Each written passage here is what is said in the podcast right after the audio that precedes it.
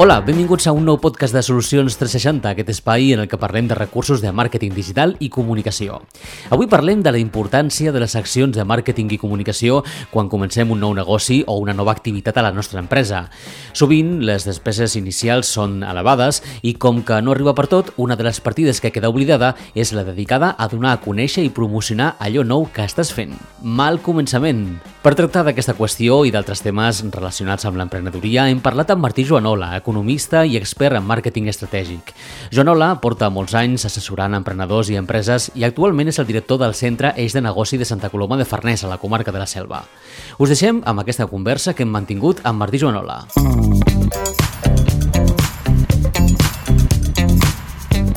Martí Joanola és eh, economista i consultor en màrqueting estratègic. A més a més, és el director del Centre de Negoci de Santa Coloma de Farners, una espècie de viver d'empreses que acull eh, tot tipus de, de, de projectes eh, empresarials i emprenedors.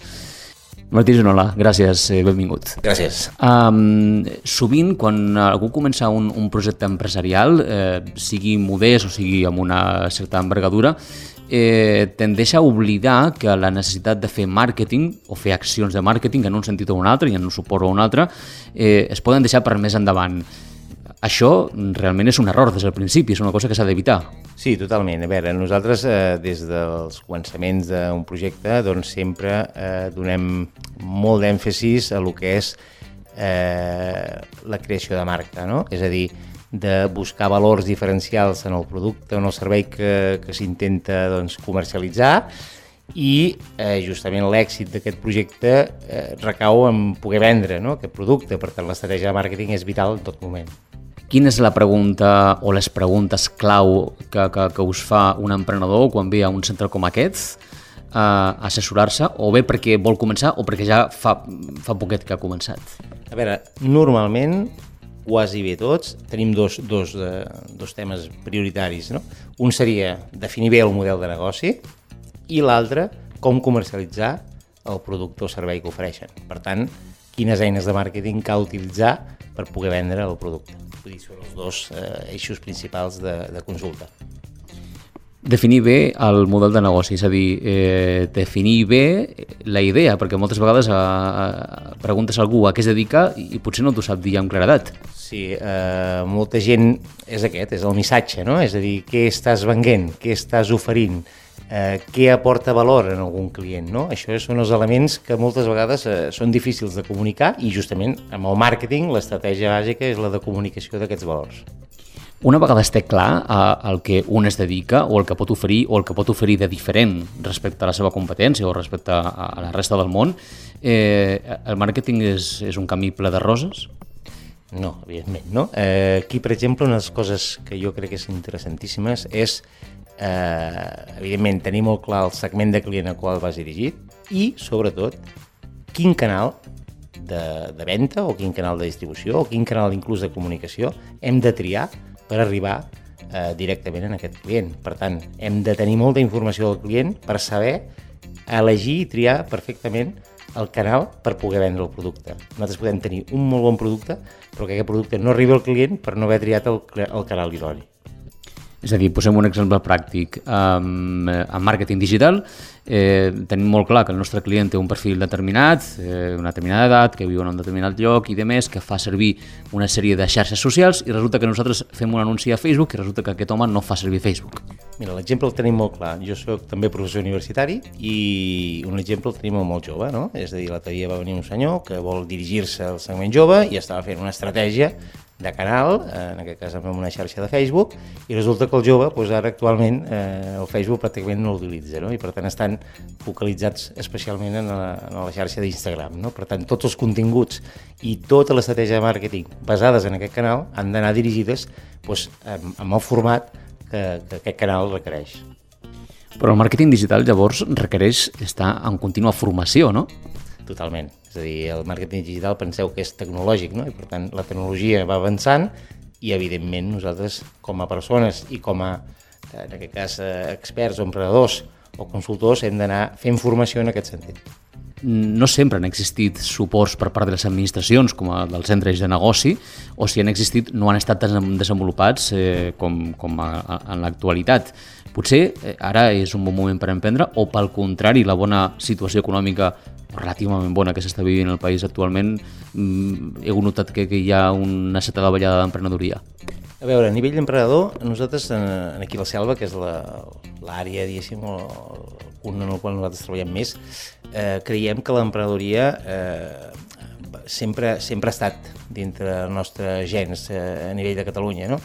Per tant, eh, aquí el que passa que hi ha hagut també una mena de bombolla a vegades, doncs per què? Perquè el fet de que hi hagi una crisi o que hi hagi hagut una crisi, molta gent buscava amb l'emprenedoria la sortida, no? I això a vegades doncs, és perillós, perquè una persona doncs, que, que ha quedat a l'atur i que potser no té unes formacions per, per, per tirar endavant un projecte, doncs eh, invertir els seus estalvis en aquest projecte, no? I això, evidentment, podia causar problemes, no? Actualment, l'emprenedoria que es va eh, que es va treballant.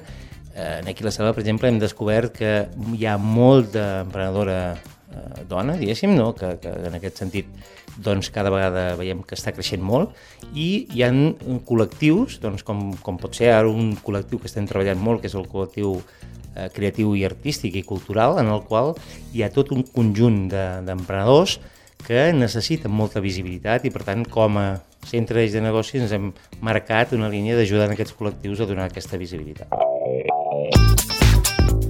En aquest sentit, l'emprenedor o emprenedora eh, neix o es fa? Aviam, eh, aquí és bona pregunta, jo sóc emprenedor, per tant, jo crec que un emprenedor eh, ho porta molt a dintre, eh? ho porta molt a dintre.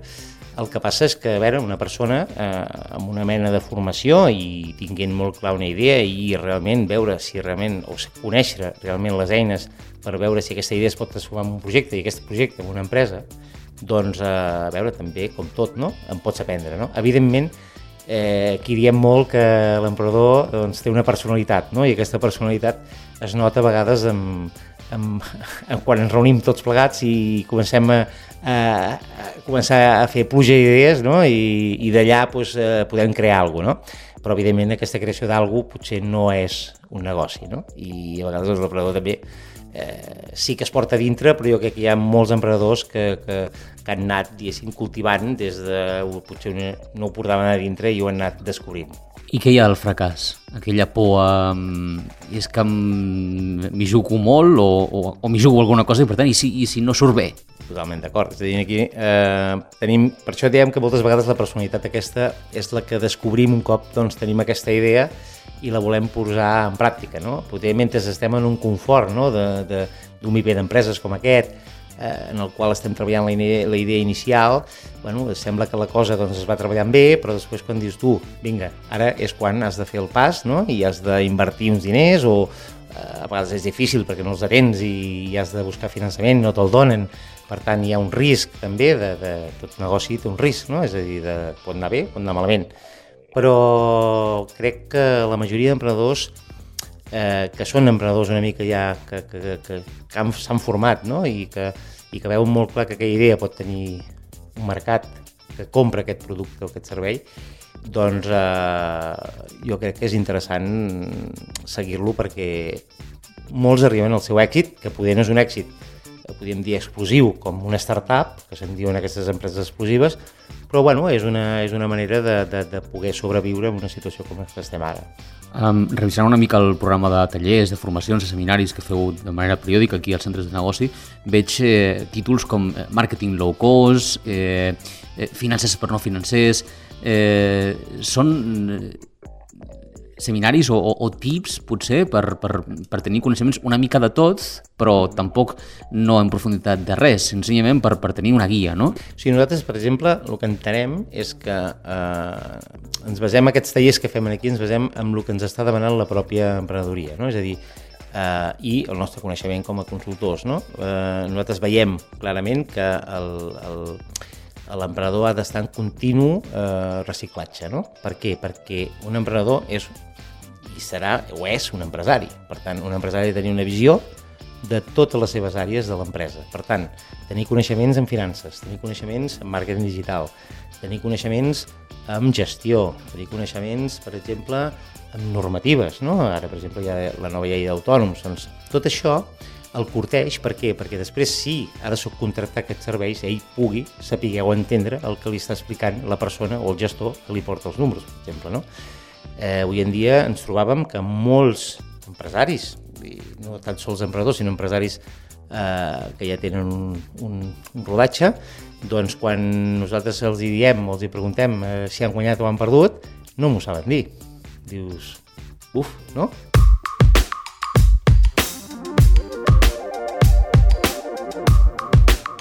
El màrqueting normalment, o el màrqueting digital tant és, o sigui, al final és una qüestió de format, de plataformes, eh, s'entén moltes vegades com fer publicitat, com fer anuncis, com eh, fins i tot oferir algun tipus de producte, ofertes i demés, però hi ha una altra forma de fer màrqueting, entre cometes, potser, que són les sinergies, no? els networkings, les trobades, assistir als, als cursets, i això potser no ho tenim interioritzat com a màrqueting.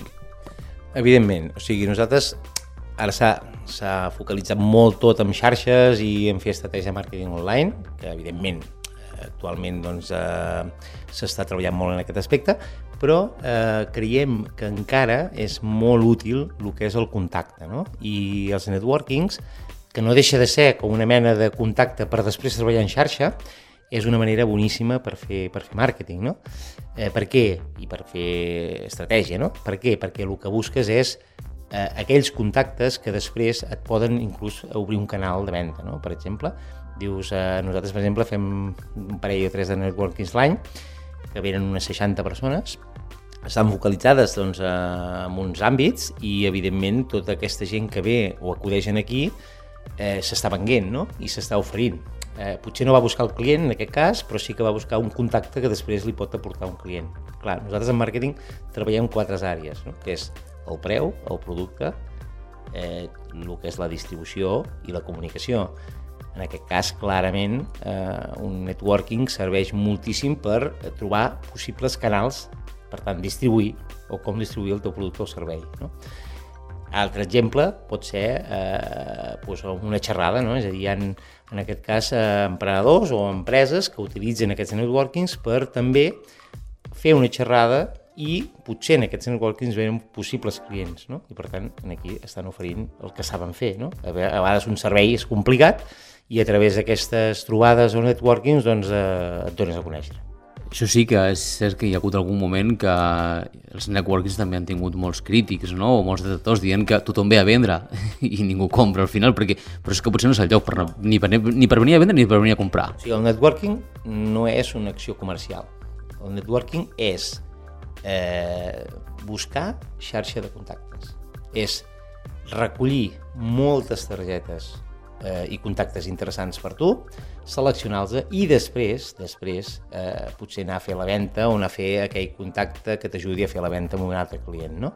Per tant, el networking, la idea és venir amb una targeta, fer molts contactes, però no anar, normalment no trobes client, eh? perquè el que trobes és gent del sector Pots trobar algun que sí que sigui un client i per tant ja t'ho pots dir, però sí que trobes intermediaris que te poden fer arribar a aquest client. Per acabar, per, eh, per, per acabar aquesta entrevista, um, des del punt de vista del màrqueting, de la comunicació, com a expert en màrqueting estratègic, què li diria a, un, a una persona o, o que comença o que necessita redefinir el seu negoci?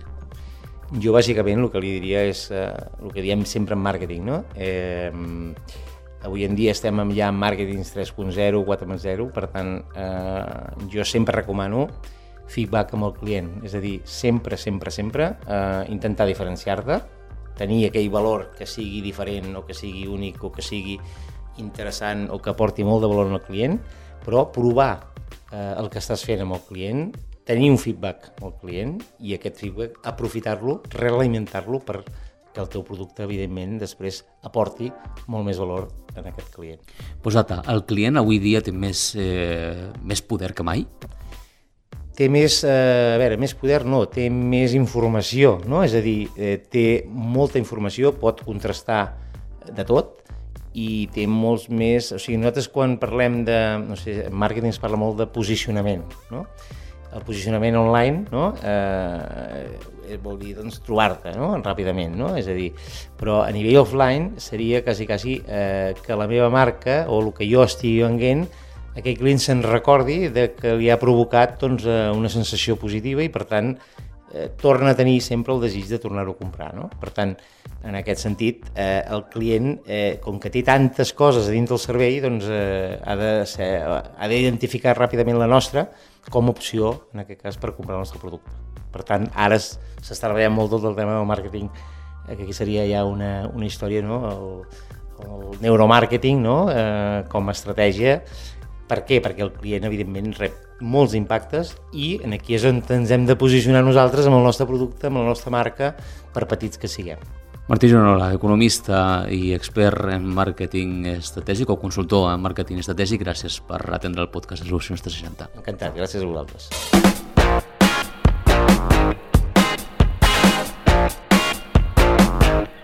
Doncs ja ho sabeu, el màrqueting i la comunicació són imprescindibles a l'hora de posar en marxa el vostre negoci o una nova activitat.